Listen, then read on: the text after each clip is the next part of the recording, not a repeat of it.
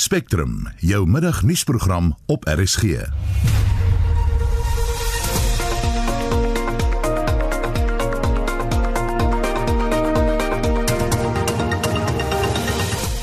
Goeiemiddag in vandag se program. Die minister van Gesondheid, Willem Kiese, ontken dat hy persoonlik gebaat het by verdagte transaksies met die kommunikasiemaatskappy Digital Vibes. There's evidence that funds belonging to the states were not used for the intended purpose. These must be recovered without any delay. I have not been, uh, personally benefited from uh, this contract. The uh, SIU investigation is ongoing and we have cooperated with the entire investigation. Die sweefklip van Harry Smit in die Vrystaat gaan na 'n ander dorp verhuis na gewelddadige onluste vroeër hierdie week. If you look at the rest of the world, the gliding fraternity, it's a well-known gliding spot and we've had people from Germany and Europe come to join us and fly in Harry Smith simply because of the conditions are excellent. And yeah, what else can I say? En nou president Jacob Zuma en die wapenvervaardiger Thales verskyn in die hof in Pietermaritzburg op korrupsie aanklagte. Baie welkom by Spectrum, die redakteur vandag is Hendrik Martin, produksieregisseur is Evert Snyman en ek is Marieta Kreer. Hello South Africa. My name is Wan. Dit is Wandile Landela van Davidton Ekurhuleni. I mask up and sanitize. Hy dra sy masker en gebruik ontsmettingsmiddel om sy vriende, familie en homself ten alle tye te beskerm. Ons wil almal aanraai om sy voorbeeld te volg. Hitsmerk cover up.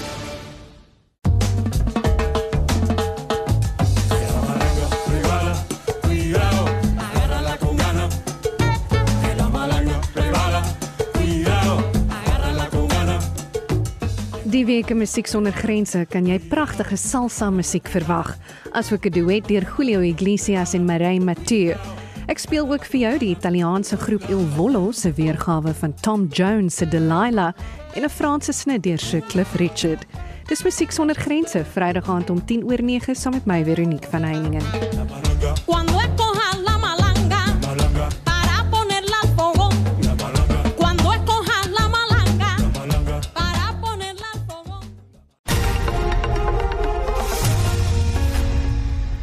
Oud-president Jacob Zuma en die Franse wapenmaatskappy Thales het vanoggend weer in die Hooggeregshof in Pietermaritzburg verskyn op aanklagte van korrupsie, geldwasery en rampokkery. Die aanklagte spruit voort uit die 1999 multimiljoen rand wapenskandaal. En ons gaan nou praat met die strafregkenner verbonde aan die Universiteit van Pretoria, professor Llewellyn Kerloos. Goeiemôre Llewellyn. Goeiemôre Marieta. Zuma vra in sy pleit dat die staatsaanklaer, advokaat Billy Downer, SC sal ek byvoeg, om aan die korrupsiesaak onttrek. Wat is Zuma se gronde? Ja, daar twee goeie vanmôre in die Hooggeregshof gebeur. Miskien moet ons net dit ook uh, in perspektief. Die uh, Zuma het natuurlik uh, uiteindelik gepleit uh, op al die klagtes teen. Daar is natuurlik ook uh, sprake van nie net daai wat jy genoem het, die daardie klagtes nie, daar's ook sprake van uh, belastingontduiking en meer. En hy het onskuldig gepleit op al daardie klagtes en natuurlik sy swygreg uitgeoefen. Hy was nie bereid gewees om die basis van sy verweer op elkeen van daai klagtes te openbaar nie. Nou, dit is sy goeie reg grondwetlik om dit te doen. Ehm um, so daarmee het ek absoluut geen probleem nie. Uh Tali het natuurlik ook onskuldig gepleit en uh Dali Mpofu SC wat optree vir uh vir Zuma het natuurlik uh in sy pleitverduideliking uh hierdie toedagsake vir die hof uitgestipuleer. Uh daarmee saam het hy terugverwys na die sogenaamde spesiale wat hulle so week terug van stapel gestuur het. En dit is waarna jy wys uh in terme van artikel 106 1H van ons strafproseswet is dit moontlik om die uh om die aanklaer se bevoegdheid om volg soms in geskuld te plaas. Maar ek moet vir jou sê, uh daardie saak en daardie argumente gaan lyk my eers hier by die 19de Julie uh, by wyse van ooreenkomste tussen Billy Downer en sy en Dali en Paul se span geargumenteer word want die staat het geargumenteer uh, dit was hulle onmoontlik geweest om op meer as 1000 bladsye argumente wat uh, van staat gestuur is deur Zuma se regspan nou al te antwoord. So ehm uh, hulle het aangegaan met die met die ander pleitverrigtinge en daardie regsvraag word voorbehou vir behoorlike argument uh, om later in Julie maand dan geargumenteer te word. Het dit al ooit in die verlede gebeur dat 'n staatsaanklaer hom op sulke gronde van 'n strafregtelike saak onttrek het? Nee, ek moet vir jou sê die gronde wat aangevoer word om vir Billy Downer uh, uh van hom ontslae te na my beskeie mening uh, gaan nie slaag nie. Um, ek ek kan nie dit sien nie. Daar word geargumenteer dat hy nie onpartydig gaan wees nie en dat hy bevooroordeel is teenoor Zuma. Dit presies die gronde as mens dit ver, vereenvoudig.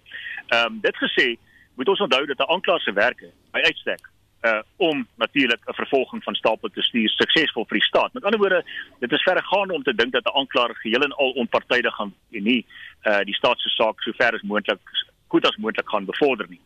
Dit gesê, is natuurlik gesag in Suid-Afrika wat sê 'n staatsaanklaer in die Engelse terme wat gebruik word, 'n prosecutor, not 'n persecutor. Met ander woorde, hy moet daarom ehm um, wees teenoor die verdediging ook van tyd tot tyd. Hier is geen na my mening enige aanduiding op hierdie stadium dat hy nie uh en eties en professioneel sy werk sal doen nie. So ek dink nie daardie daai saak gaan slaag nie. Ehm um, die enigste ander geval waarvan ek bewus is waar in die sertifikaat reg van tyd tot tyd die bevoegdheid van aanklaers in geskil gestel word in terme van spesiale pleit in terme van 61H is die geval waar private vervolgings plaasvind. Maar dit vind glad nie toepassing in hierdie in hierdie af van sake en hierdie feite stel nie. So hierdie sal waarskynlik die eerste wees in Suid-Afrikaanse geskiedenis sou dit slaag, maar ek sê ek twyfel of dit gaan slaag. Ek het gehoor dat toe Dalian Polfu vra dat hulle iets in die regter se kamers gaan bespreek, dat hy baie duidelik gestel het alles sal in die hofsaal bespreek word want hy wil hê dit moet deursigtig wees. Ja, kyk, dit is nie dit is nie dis nie snaaksheid uh, dat dat twee regspanne die staat en die verdediging 'n regter in kamers van sekere interlokutêre of Mm, mm, prosedurele uh, dinge te bespreek nie. Dit beteken nie daar daar gebeur iets sinister of agteraf in die hof nie. Ehm uh, dit is waarskynlik om byvoorbeeld 'n datum te reël. Uh gesê die 19de Julie in hierdie geval.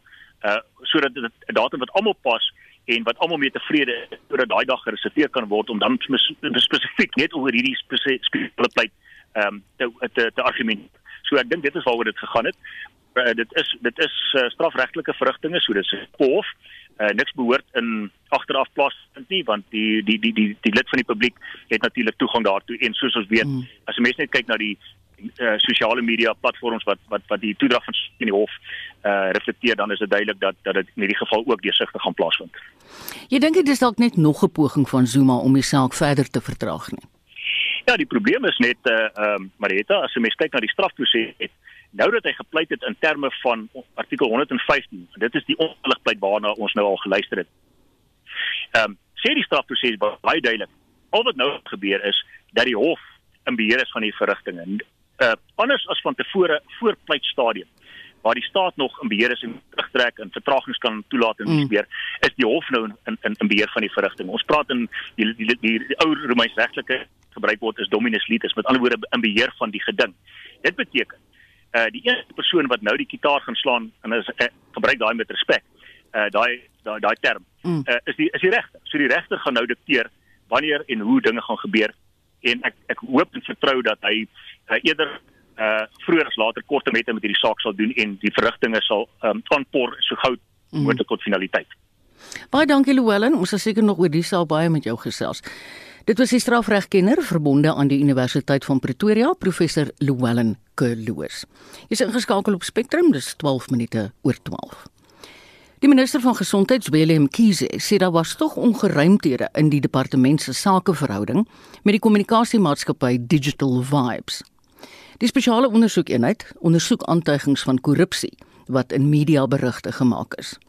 Die departement het 150 miljoen rand aan die maatskappy betaal vir dienste met betrekking tot die nasionale gesondheidsversekeringsplan asook die departement se hantering van die pandemie. Marlenae Forsie het meer besonderhede.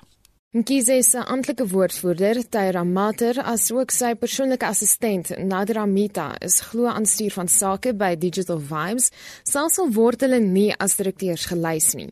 Mkhize het tydens die konferensie gesê die geld wat aan die maatskappy oorbetaal is, het geen vrugte afgewerp nie en daai op wanbesteding. In summary, the investigation has found that the tender bidding process followed was in contravention of the Public Finance Management Act. The process of appointing digital vibes was irregular. Irregularity findings range from inconsistencies in the bid committees to lack of disclosure of conflict of interest. Secondly, the investigators had found that an amount of some 37 million paid to digital vibes constitute fruitless and wasteful expenditure. The investigators therefore concluded that the appointment of digital vibes was irregular And as a result, a total of 150 million that was paid to Digital Vibes was therefore irregular expenditure Mkhize ontken dat hy persoonlik baat gevind het by die beweerde 90 miljoen rand se verdagte transaksies. Hoewel hy nie die fyn besonderhede van die ondersoek bekend gemaak het nie, sê daar is tekens van ongeruimthede. Die ondersoek is in 'n gevorderde stadium. I can also confirm that the process of consequence management, that is, taking disciplinary action against all implicated individuals, is also underway. Finally, I can also confirm that the legal processes to recover the funds that we believe the department should not have paid has also commenced. We wish to inform the public that in this investigation is still ongoing through a flow of funds analysis that is being conducted. It is this flow of funds analysis that will also confirm if the department was overcharged for services provided by Digital Vibes and quantify it. Hy sê verdere tugstappe word geneem teen werknemers in die departement wat by die kwessie betrek word. If there's evidence that funds belonging to the states were not used for the intended purpose, these must be recovered without any delay. I have not personally benefited from uh, this contract. The SIU investigation uh, is ongoing and we have cooperated with the entire investigation. We have in this process also made sure that there is no uh, hindrance whatsoever uh, to the investigation. So there's not been a need for us to you know, consider stepping aside. Dit was die minister van Gesondheid, Zweli Mkhize. Malina Forsie, SAK nuus. Ons ons gaan voort met uh, Dr Mkhize. Vir sy mening oor die kwessie praat ons nou met professor Dirk Kotse aan Unisa se departement van politieke wetenskap. Goeiemôre Dirk. Goeiemôre Marite. Wat is jou aanvanklike reaksie op Mkhize se konferensie? Wel, dit bestaan uit twee elemente. Die een is is dat hy is baie uh openlik oor dit wat plaasgevind het um, en dit die, die uh, uh, gevolgtrekkings wat reeds gemaak is. Hy uh, probeer dit nie wegsteek of probeer dit nie op een of ander manier regverdig nie. En soos wat ons nou gehoor het, sê hy ook dat ehm um, die mense wat daarbey betrokke was, moet uiteindelik aangekla vervolg word of moet gedissiplineer word. So dit is die een kant daarvan en dit lyk asof hy baie openlik probeer wees oor die probleme en hy aanvaar dat die gebruik of die die wetgewing wat toepaslik is hierop die van die openbare uh, sektor uh, finansiële wetgewing um, dat dit nie nagekom is nie. Ehm um, ook dat dit 'n spandering van geld was wat uh, wat nie geregverdig kan word nie. Maar dan uh distansieer hy homself daarvan. Ehm um, en ek dink die die groot element van debat en wat die kontroversie is wat op die oomblik besprake is, is die is die tweede aspek en tot watter mate mense wat vir hom gewerk het of na wat aan hom bekend is uh, werklik hierby gebaat het. Um, en ek dink dis waar die grys gebied is wat ons uh, wat hy nie regtig groot duidelikheid oor gegee het nie. Hy het in 'n uit daarna verwys en gesê dat dit uh, dat hy nie bewus was van dat hulle by hierdie maatskappye betrokke was nie. Um, en daarom is hy en hy was self ook nie betrokke by die toekenning van die kontrak nie.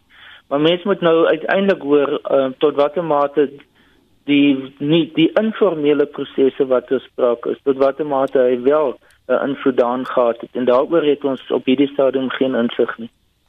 Jy weet, sy voormalige assistent en woordvoerder word immers hierby betrek. Dink jy hy gaan skotvry hiervan afkom?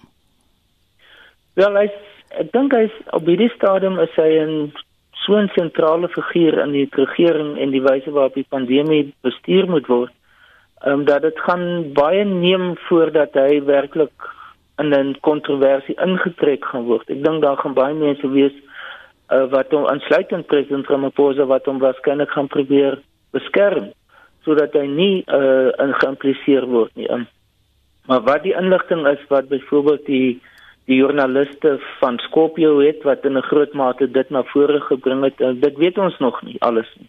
Um, en dit sal regtig bepaal of of tot watter mate hy geïmplementeer geïmplementeer geïmpliseer gaan word um, in dit of nie. Jy weet Dirk in in ontwikkelende of ontwikkelde lande sou hierdie minister nou bedank het. Nie noodwendig nie. Ehm um, vroeër jare ja, maar deesdae gebeur dit nie so vinnig nie. Ehm um, ek meen kyk wat gebeur in die FSA in die tyd van uh wel selfs in die, in die Brittanje toe die die hoof uh adviseer van uh, die eerste minister Boris Johnson van die regulasies van die pandemie ge uh, nie nagekom het nie um, en nog steeds aangegaan het en wat daar baie druk was op hom. So die hele internasionale konteks van etiese optrede en hoe om daar daarop te reageer het oor tyd ongelukkig begin verander en is nie meer so uitdruklik en dat mense outomaties begin bedank nie. Wat sê die media konferensie en die jongste verwikkelinge in die verband vir ons oor die departement se vermoëns om verdagte transaksies en moontlik bedrog te verhoed? Ja, die ek dink die pandemie het die departement op nasionale vlak sowel as op provinsiale vlak, mens dink byvoorbeeld aan Gauteng, uh, mede in 'n groot mate ontbloot. Dit was in die verlede, dink ek het baie mense gedink dat dit hulle het nie 'n goeie infrastruktuur nie, dit word nie goed bestuur nie, maar die finansiële da aspekte daarvan was nie so seer op die voorgrond gewees nie. Nou is dit baie duidelik dat daar is baie ernstige probleme met hulle openbare finansiële bestuur binne die departement. Soos maar soos ek sê nie net op nasionale vlak nie, maar dit lyk my amper nog meer op 'n provinsiale vlak. Baie dankie. Dit was professor Dirk Coetzee van Unisa se departement van politieke wetenskap. Die ANC oorweeg om verdere tugstappe in te stel teen sy geskorste sekretaris-generaal, Ys Magashule. Dit is by 'n media-konferensie bekend gemaak na samesprekings van die party se nasionale werkskomitee. Dissiplinêre klagte sal ook ingestel word teen die ANC se nasionale uitvoerende komitee lid, Tony Ngeni, en die woordvoerder van Umkhonto weSizwe se vereniging vir militêre veterane, Karl Neus. Is dit 'n klertoon verslag? Die drie ANC swaargewigte waaronder Magashule Yengeni en Neus word daarvan beskuldig dat hulle neerhalende opmerkings oor sommige partyleiers gemaak het tydens oud-president Jacob Zuma se hofverskyning verlede week in Pietermaritzburg. Angithi ngibenilwe namhlanje but I can assure you nobody under a democracy will ban me. Comrades, no one will ever ban me from speaking in public. No one will ban me from speaking in public. You want me to tell you the TC? Go ahead. You want to tell me the court? Go ahead. Magashule word ook daarvan verdink dat hy voortgaan om verdeeldheid in die party te saai deur opmerkings te maak oor partybesluite soos die op sy staande reël indien 'n lid van korrupsie beskuldig word. Die ANC se adjunksekretaris-generaal, Jessie Duarte, sê die saak is oorhandig aan die partyverteenwoordiger wat verantwoordelik is om klagte in te stel teen partylede. Of course, we are concerned when leaders go to a platform and they use that platform to raise issues they were not successful in raising in the formal structures of the ANC and ventilate and create an impression that is perhaps their own perspective, that there's a broader group of people that feel the same way that they do. It is for that reason that we've asked the presenter to look at the people and to investigate and to make sure that there is the possibility of misdemeanor. And we can't sit here and judge right now, but we are concerned that people do that. And for that reason, we are taking steps and asking our presenter to look at the matter. Duarte sê ook dis ongehoord dat 'n senior partylid soos Magashule nie die party se reëls sal nakom nie. Sy sê Magashule is nie die eerste senior lid van die organisasie wat gevra is om tydelik uit te tree nie. Let me remember the people who've stepped aside voluntarily and who they are. Sbunde Bele, ambassador to Australia, was accused of some tender issue, stepped aside from the NEC immediately, came home from Australia on his own, didn't have to be asked. When the trial was over and his name was cleared, he went back to Durko and said, Can I get my job back? And they gave him his job back. Paulo Jordan, whose history in the ANC is second to none, he was accused of something. He chose not to embarrass the ANC. He stepped aside. There's Mdu Manana. He stepped aside as a deputy minister. So it is unprecedented for a senior leader of the ANC not to want to protect the organization in terms of Rule 2570 and accept the organization's discipline in this regard. Duarte sê lede kan nie teen die party se op sy staan resolusie appeleer nie. Voluntary organizations in this country might be declared unconstitutional if they go against the Bill of Rights. The constitution of the ANC does not offend in any part any portion of the constitution of the Republic of South Africa. You join the ANC voluntarily and you take an oath to abide by its constitution and the rules that are contained therein. And we need to enable NGOs and organizations like ourselves to be able to survive with rules. You join voluntarily. And when you join voluntarily, you take the responsibility for what is in that constitution. We believe that if you are a leader in the ANC, then the onus is really on you to do the right thing. Simple as that. Die ANC het aangedui hy sal Magashule se aansoek in die Johannesburgse Hooggeregshof teenstaan. Magashule sê die op sy staan reël in die ANC se grondwet moet onregmatig, ongrondwetlik en ongeldig verklaar word. Hy vra ook dat die hof beslis dat die brief waarin Duarte hom skors as ongeldig verklaar word. Die verslag is saamgestel deur Ntebo Mokobo in Johannesburg en ek is Estie de Klerk vir SAK nuus. Dit is vandag 50 jaar gelede dat 11 Suid-Afrikaanse lugmaglede op 26 Mei 1971 dood is toe drie Hawker Siddeley 125 Mercurius vliegtuie in formasie teen Duiwelspiek in Kaapstad vasgevlieg het. Hulle was besig met 'n oefening vir die 10de Republiekfeesvieringe die volgende week toe die ongeluk gebeur het. Ons praat met Brian Emmenus, 'n lugvaartkenner en ook bekende lugskou kommentator. Goeiemôre Brian. Goeiemiddag Marietta. Wat presies het op daai dag 50 jaar gelede gebeur? Wel Marietta, baie baie tragies want uh jy, jy weet soos jy nou so reg gesê het, 11 mense wat hulle lewens verloor het. Dit blyk volgens al die ondersoeke dat jy weet daar was lae wolk en dat hierdie vliegtye die uh leier uh, van daai formasie het um blykbaar die jy weet hulle hulle was in wolk gewees of uit die wolk uit gekom en toe hulle weer kyk is hulle natuurlik in die um in die berge dan uh, by Duiwels Peak nou baie van die um inligting wat in is as gevolg van die ongeluk het jy weet aangedui dat hulle het te laat gedraai hmm. en 'n mens moet natuurlik in ag neem dat wanneer jy in daai dit is besigheidstralers van 21 geskader wat hulle gevlieg het. So die die strale vlieg redelik vinnig en uh jy weet as jou tydsberekening by 'n paar sekondes uit is, dan sal so 'n tragiese ongeluk gebeur. Brian, ons verstaan daar sou 'n verbyvlug van honderde vliegtuie gewees het tydens die geleentheid het dit toe aangegaan. Ja, soos wat ek kan uh soos wat ek verneem het ja in inderdaad het dit verby dit het plaasgevind en daar was 'n gaping gewees. Hulle het 'n 'n tyd, jy weet soos 'n 'n tyd van stilte sou ek sê vir daai uh, vliegtye, mm. daai drie Mercurius uh vliegtye. So met ander woorde die die vliegtye het almal hulle in hulle verskillende skaders in hulle verskillende tipes verbygevlieg en dan toe die Mercurius in die formasie in daai verbyvlug moes gewees het, het jy weet was daar mm. toe nie dit was net 'n 'n opening gewees Kyk as ek reg is Suid-Afrika daai tyd 4 van die Hawker Siddeley's gehad en toe na daai ongelukkige ongeluk was daar net een oor. Wat het van daai eenheid geword?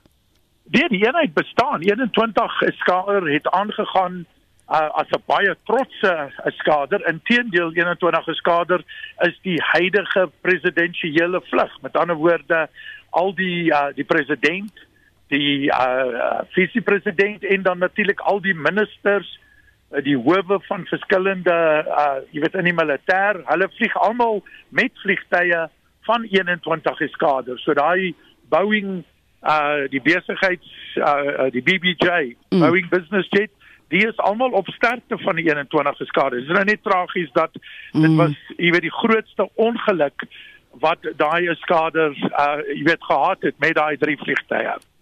Brian is dit die rede hoekom mense tot vandag daai geval onthou en veral lugmagvlieëniers onthou dit baie goed. Jy weet, ja, ek dink maar jy kyk elke ongeluk is uh is tragies. Dit's absoluut tragies en deesdae met sosiale media word daar baie geskryf hmm. aan verskillende ongelukke, maar daai spesifieke ongeluk uh baie mense onthou dit want dit was net ter voorbereiding van Republiekdag, jy weet, vir groot fees, feesvieringe en as jy kan reg onthou, ons het groot parades in Suid-Afrika gehad om die Republiekedag, Republiekdag te vier. Mm. So ja, ek dink dit is net jy weet dit was so 'n belangrike byeenkoms en dit was altyd ons uh die militêr het het uit jy weet het uitgestaan en gewys die sterkte van die land se magte. Uh, dit was nou 'n mm. toonvenster en natuurlik wanneer jy 3 en dit was natuurlik strales van die van die BBP eenheid. Ja. Jy weet uh, dit is die die vliegtye wat die president rondgevlieg het. Ek het later jare die weduwee van een van daai vlieëniers raak geloop by die SAIK in Seepunt. En ehm um, sy het dit so helder vir my vertel dat jy kon sien sy het dit baie definitief onthou. Ja, ek dink baie. Ek het uh ehm um, uit interessantheid, jy weet my ek kom uit 'n teaterwêreld uh en uh kommandant Henning, hy was die leier van daai formasie. Kommandant Henning se dogter het saam met my by Soekhoffs gewerk van die streekraad ja. voordat ek SAK toe is. So ek dink baie mense het 'n 'n noue hmm. verbintenis met omdat daar so baie, jy weet, daar was 11 mense. Ja. Uh, daar was natuurlik die vlieënier en medevlieënier, so dit sou 6 gewees het en dan was daar natuurlik ander persone aan boord. Hmm. Uh die ander 5 wat nou die getalle opgemaak het. Brian baie dankie. Dit was Brian Emmenus, 'n lugvaartkenner. Bekende een hier by ons by Monitor en Spectrum en hy's ook 'n lugskou kommentator. Ja, ons bly ongelukkig by 'n soortgelyke onderwerp. Die lughawe by Harry Smit in die Vrystaat het deurgeloop tydens onluste op die dorp hierdie week oor die gebrek aan dienslewering. Dit lyk of 'n grondgeskil die spulpunt was. Die voorsitter van die Harry Smit sweefklub, Tex Impi, sê hulle oorweeg nou om hulle bedrywighede na 'n ander dorp te verskuif.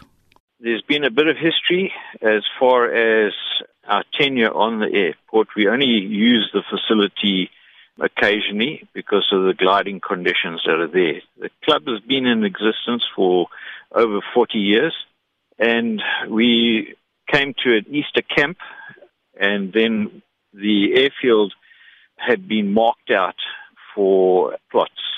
And all around the airport perimeter, there's been housing and plots allocated and sold, from what we understand, by an individual in the municipality is selling off the plots and people are building houses. So we were concerned that when the runway and the within the fence line plots were being marked out, we then obviously went and laid a charge of trespass because it's actually against the civil aviation regulations to endanger an aircraft or to take over an airfield for runway intrusions, etc., etc. So obviously we had to follow that path, and then we came back later, and the police were obviously involved, and they came out to have a look. The local station commander wasn't even aware that there was an infrastructure like an airfield with a tar runway for jets, etc. And anyhow, long story short, we were then told that you know the runway and the airfield's going to be taken over and that we must move out. And now, obviously, what has happened, taken the opportunity uh, to use the municipal service delivery strikes and protest action as an opportunity then to get rid of the airfield and the people on the airfield. The result of that is that they burnt down our hangar and in it one of the vintage aircraft that we've got and nothing more can be said other than that uh, we're now going to be forced to move because we cannot obviously reinvest in the airfield and reinvest in Harry Smith and also because the threat to us as well. So waarheen gaan julle dan verskuif? We will probably either move to Bethlehem because Bethlehem has indicated that they'd be welcome to have the gliding club there and the members to move across. Or if we could find some farmer who's prepared to let us rent a piece of land where we could establish a runway and we could fly in the area.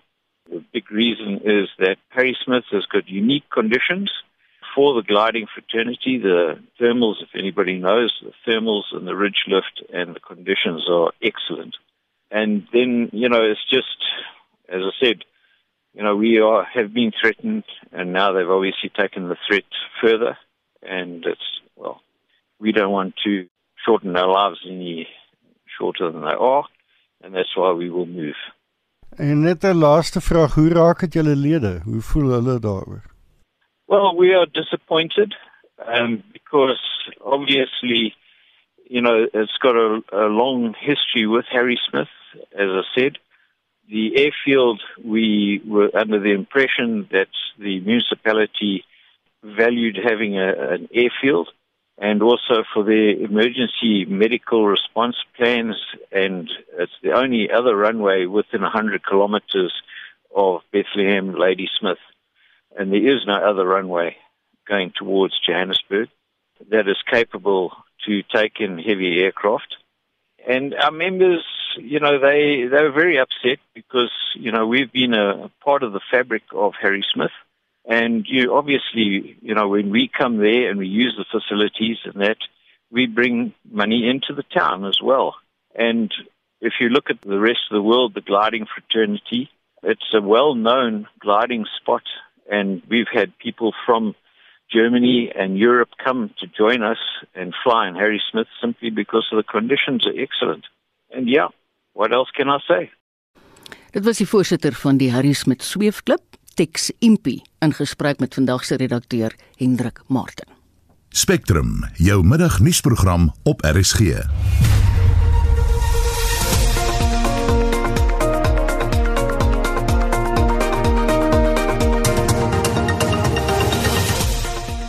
Drie mense is dood en twee is gewond nadat gewapende aanvallers losgebrand het op 'n groep mense in Leiden in Delft op die Kaapse vlakte. 'n Polisiewoordvoerder, Noela Potelwa, sê die skietvoorval hou vermoedelik met bende geweld verband. En die geskorste sekretaris-generaal van die ANC, Ys Magashule, word by die hof in Pietermaritzburg gewaar waar oud-president Jacob Zuma en die Franse wapenvervaardiger Thales op aanklagte van korrupsie in die hof verskyn. Just be patient, the process to take place. Don't worry. Just be patient. Yegani media madon. Yegani media madon. Leave the media madon. Leave the media. I'm saying I'm not surprised if ANC things and processes to happen. Just be patient. See meetings of the ANC have always coincided with the, the case of Comrade uh, President Zuma. En twee veteraan akteurs van die Afrikaanse toneelwêreld sterf. Daar is geen verkeer. Ons begin in die Ooskaap in Klebega waar die taxi-staking voortduur. Die R335 Adoweg is gesluit vir verkeer. Dis die Motherwell gebied wat hierdeur geraak word. So wees maar op die uitkyk daarvoor. Dan in die Weskaap Kaapstad staan daar 'n vragmotor op die N1 stad uit. Dis na Plattekloofweg. Die noodbaan is versper. Dan sluit verkeersnuus af in Johannesburg. Daar staan 'n voertuig op die N1 suid na Olifantsfontein weg. Van Spectrum se kant af is dit jou verkeersnuus vanmiddag. En dit was die stem van Marlenae Forsie. Transnet en die internasionale konsultasiemaatskappy McKinsey het bekend gemaak dat 'n skikking bereik is om minstens 870 miljoen rand aan Transnet terug te betaal. Dit het betrekking op projekte wat saam met Regiments Capital onderneem is en word aan staatskaping gekoppel. Vir meer hieroor praat ons met die ondersoekende joernalis Paulie van Wyk wat nou reeds 'n geruime tyd lank aan hierdie storie werk. Goeiemôre Paulie. Goeiemiddag. Kan jy vir ons in 'n netedop net die agtergrond skep van wat hier gebeur het? Hoe word die saak aan staatskaping gekoppel? By die inligting wat as Skopje van Daily Mavic die ondersoek uitgeskryf kom uit die koepel wat ons sedert 2016 ondersoek. Dit gaan gepaard met 'n um, miljard rand kontrakte wat kom Paulie, kan ek jou vra? Ekskuus ek val jou in die rede. Jy raak weg op kolle. Wil jy nie net vir 'n ander plek gaan staan waar ons jou voortdurend kan hoor nie? Ja, sekerlik. Dankie man. En praat bietjie harder bliewe na se agtergrond lawaai. Die kontrakte gaan vir uh, Eskom en Transnet wat uh, oor die Gupta's uh, vir McKinsey groot mul multimiljard kontrakte gegee het sodat um, die Gupta's se maatskappy die Big Gupta beheer Trillion Capital Partners 'n uh, 'n uh, dealmaker kon wees in die geval van kontrakte. Dit het gewerk sodat uh, die McKinsey Consulting Company um, eintlik maar net die laag van vernis van redelikheid en goedheid was in hierdie kontrakte en sodat dit agteraf kon skep en 'n deel van die geld kry. Dit is natuurlik onwettig nie toelaatbaar nie. Mm. Paulie, jy werk nou al so lank aan hierdie storie. Wat dink jy van hoe hierdie saak op die oomblik uitdraai? Wel, die McKinsey moet nou um, byna 'n miljard rand van die geld teruggee wat hulle geneem het. Is baie reputasie skade aan McKinsey geag en dit gaan natuurlik ook uh miskien 'n Eskom uitval hê waar Eskom se geld wat bestee is ook moet terugbetaal word. Ehm um, die belangrikste deel is natuurlik dat ons nou binnekort ook strafklagte moet indien teen mense wat betrokke was. Dit sal natuurlik van die bestuurders by Eskom en Transnet wees en dit dit en mense soos Anosh Singh en Brian Lessig. Maar dit sluit natuurlik ook die Gupta's en hulle handlangers in. Mm. Dink jy ons gaan soortgelyke tonele sien soos wat die getuienis voortduur by die Sondekommissie in ander departemente? Ja, ons doen reeds, ons sien dit staat eh uh, dat het, um, die in die ANC is al groot 'n drama met die sekretaris-generaal Aisha Shule wat natuurlik ook as gevolg van die druk is van joernaliste wat baie daar is. Mm. Pieter Louw Meiber van Daily Maverick by name. Ons sien dit met Tomojani. Ek het sedert 2014 baie oor Tomojani geskryf. Uh, wat natuurlik die staatskommissaris was en is nog steeds om steeds te ontken dat daar foute was en die volgens gesag gaan ook na hom in sy trabant moet kyk. So sien ons dan ook dat al 'n groot moeilikheid is om na die res van die staat en al munisipaliteite in die afgelope 10 jaar 'n behoorlike kritiese oog oor hulle gehad het. Nie en die vervolgingsgesag sal hulle werk moet begin doen terwyl as die sulke en Ja, ja, jy's reg. Baie dankie, dis die ondersoekende joernalis Paulie van Wyk. Ons bly eintlik by hierdie onderwerp. Ons praat nou met die woordvoerder van die United National Transport Union, beter bekend as UNTU, Sonja Karstens. Goeiemôre Sonja. Goeiemiddag en dankie dat julle met ons gesels. Wat dink jy daarvan dat McKinsey nou byna 'n miljard rand aan Transnet gaan terugbetaal? In die eerste plek wil ek sê wel gedaan vir uitstekende joernalistiek, ondersoekende joernalistiek in Suid-Afrika. Paulie van Wyk se werk, Pieter Louw Meiberg, um, en ook julle by RSG. Baie dankie dat julle volgehoue druk op hierdie kontrakte plaas, op die regering hou en dat ons al hierdie goed aan die kaak kan stel. Vir ons is dit fantastiese nuus, maar dit is 'n druppel in die emmer. Net hierdie week het ons gehoor dat Transnet in 15 miljard aan die Gupta's alleen gegee het in wettige kontrakte. Die Raad van Transnet het verlede jaar met hulle vergadering met ons gesê die omvang van staatskaping in Transnet beloop al meer as 210 miljard. Hmm. Dit is soos die die die die worteltjies maar nog uitkom en elke dag daar net 'n nuwe kan wurms oopgemaak word. So waar die die die tol wat staatskaping net op Transnet gehad het gaan eindig, weet nigter, maar dit is enorm en is iets wat ons nie in woorde kan beskryf nie. So hoewel ons bitter dankbaar is oor die miljard amper 'n miljard wat nou terugbetaal word, is dit 'n druppel in die emmer en gaan dit weinig verskil aan Transnet se lot vir die onmiddellike maak. Ja, jy's eintlik baie reg so. Nou weet jy, ek sit van tyd tot tyd na die Sondekommissie en kyk en dan kan ek nie help nie, maar my mond hang oop. So dit is groot somme geld. Ek weet julle by Unto beywer julle vir al vir werknemers se lone. Gaan die verwikkeling hoegenaamd 'n impak op julle stryd hê? Hoegenaamd nie. Die hartseer hiervan is dat die 1 miljard waarskynlik aan projekte van Transnet aangewend gaan word. Dis 'n eenmalige betaling. Dis nie volhoubaar nie. So dit kan nie by lone ingereken word nie, want lone is 'n is 'n maandelikse maandelikse uitgawe waarvoor Transnet moet begroot. Soos julle weet, stuur ons in Transnet af op 'n staking, nasionale staking. Ons is op 'n dooie punt. Uh, Transnet se finale aanbod is 'n 4 ag 'n 3% um, salarisverhoging wat nie vir ons lede aanvaarbaar is nie veral nie gegeewe die die omvang van staatskaping wat hulle die hele tyd in die media lees nie. As jy weet jy het jou lewe in gevaar gestel om te sorg dat ehm um, die hawens werk om te sorg dat die treine deur die land goedere vervoer reg deur die inperking um, om te sorg dat die pyplynstelsel werk dan gaan jy nie bereid wees om te skik vir 'n 3% loonverhoging nie veral nie as jy by die enigste semi-staatsinstelling werk wat geld maak nie wat winsgewend is en nog nooit die regering in die oë gekyk het vir subsidie nie en dis nie ongelukkig die probleem so nee dit dit gaan nie vir ons ehm um, saak help nie maar in 'n groter prentjie sal dit wel Transnet baie kan help om van sy projekte um, aan te pak.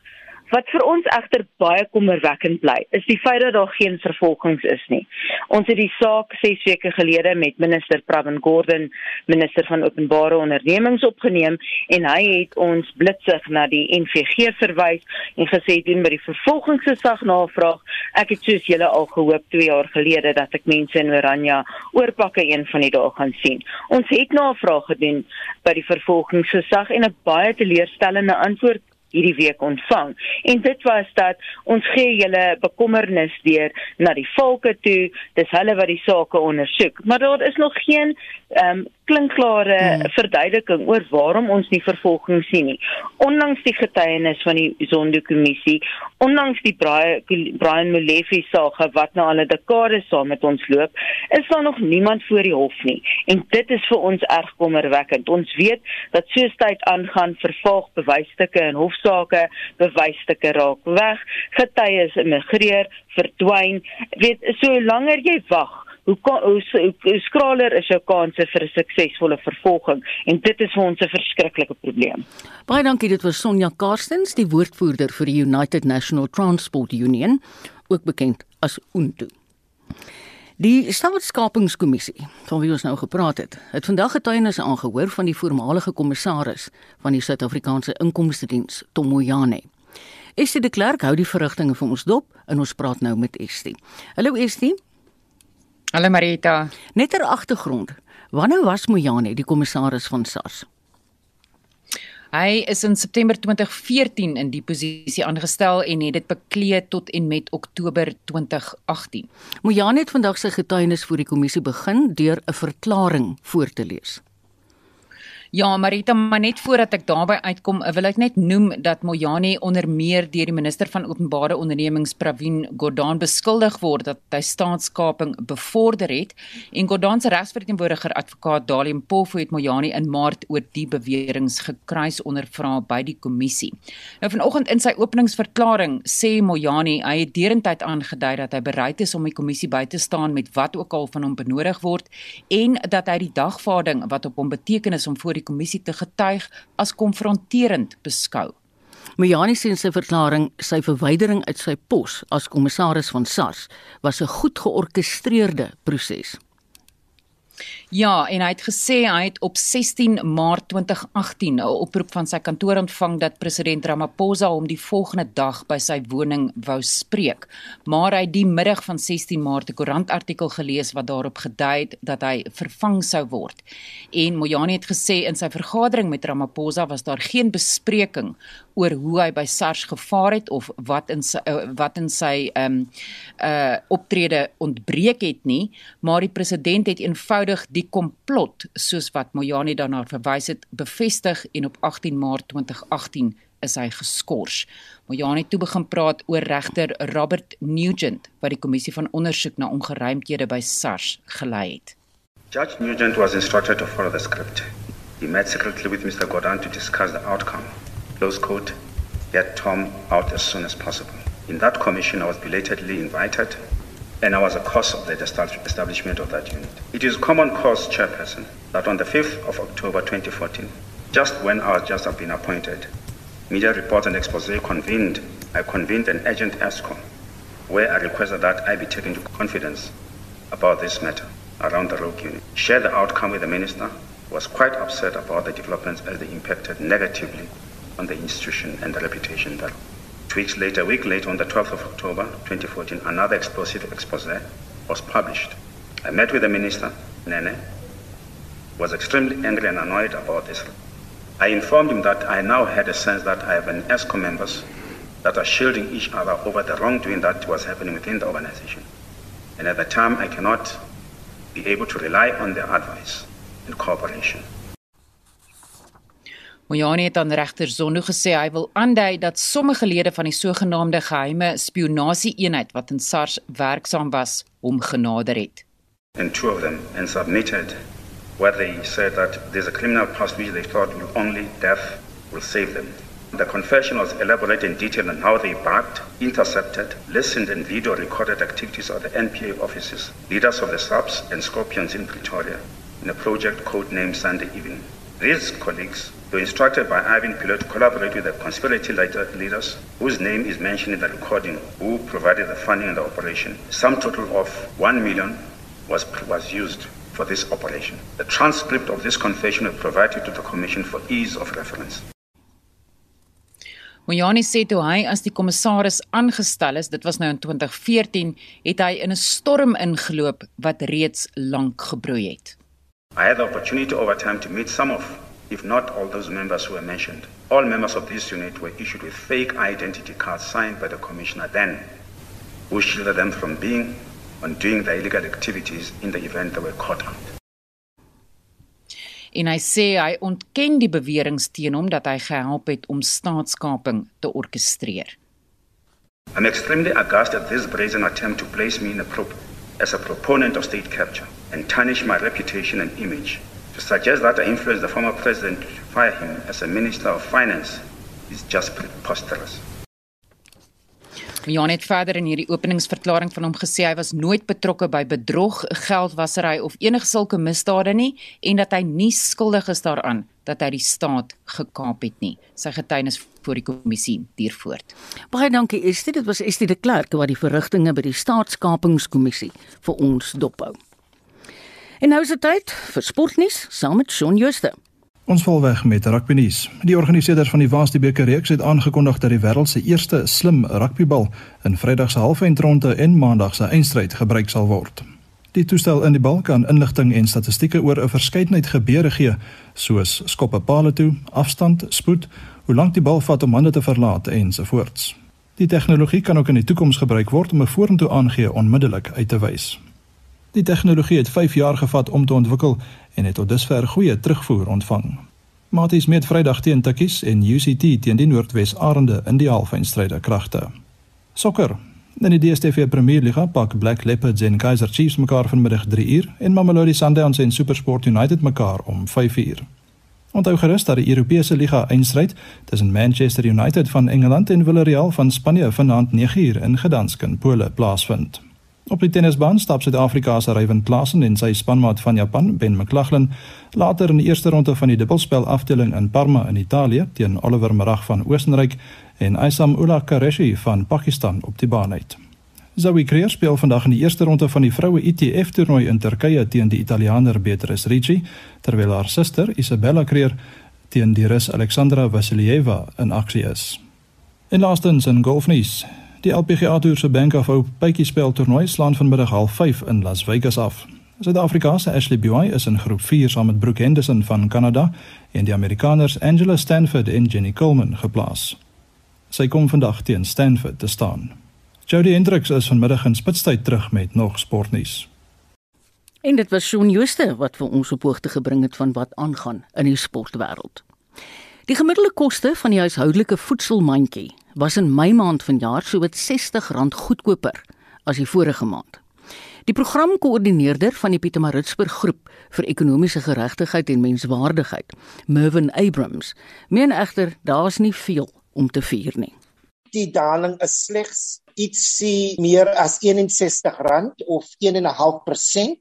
As ons kyk na die stygings in die maand van April, dan sal ons sien die vorige maand was die stygings R159 of amper 4%.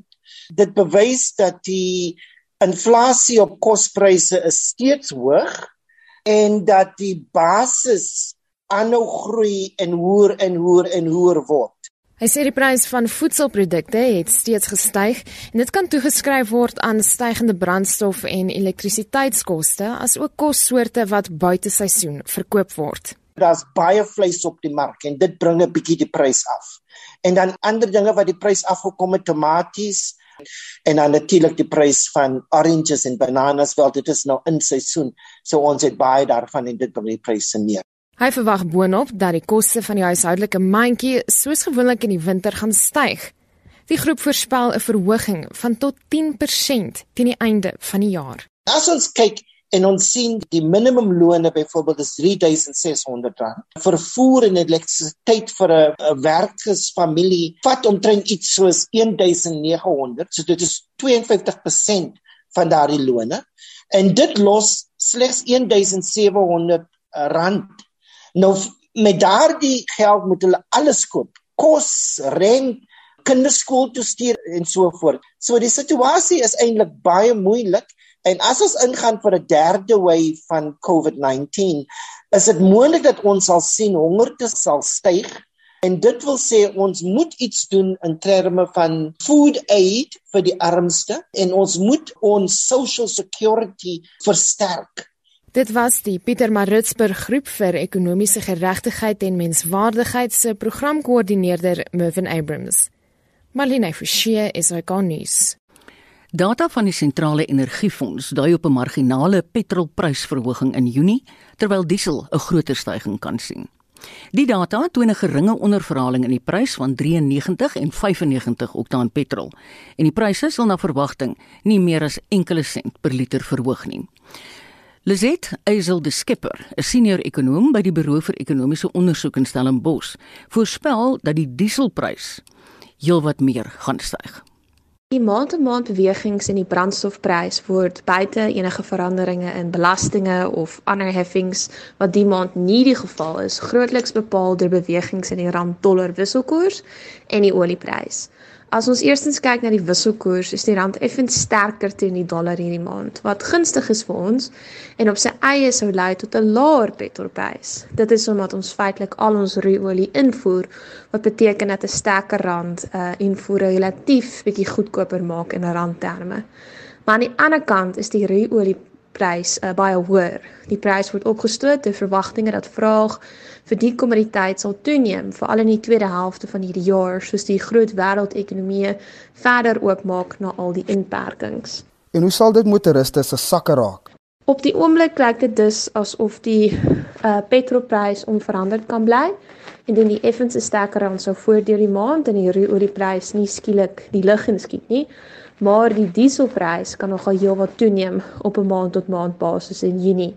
In vergelyking met die vorige jaar, ehm um, so 2020, toe die, die olieprys nog baie laag was, sal die prys vir beide petrol en diesel heelwat hoër wees. Dit beteken dus dat motoriste dit direk sou voel in hulle beursies wanneer hulle brandstof ingooi, maar dit sal uiteindelik ook die verbruikersinflasiekoers 'n hupstootjie kan gee. Dis Reset Eisel de Skipper, 'n senior ekonoom by die Buro vir Ekonomiese Ondersoek in Stellenbosch wat met Vincent Mofokeng gepraat het. Marlene Forsie sluit nou by ons aan met van die hoofstories die afgelope halfuur. Marita, die 64-jarige akteur Ben Creer is gisteraand in Pretoria dood aan COVID-19 en die aktrise Lis Meyeringe onthou so. Hy het gehoor hy altyd baie geëer en tyd geneem en moeite spandeer as mense hom kom vra vir 'n handtekening of 'n foto of enige so iets. Hy was 'n absolute mensmens en dit is wat hom ook so 'n fenominale kreatiewe persoon gemaak het.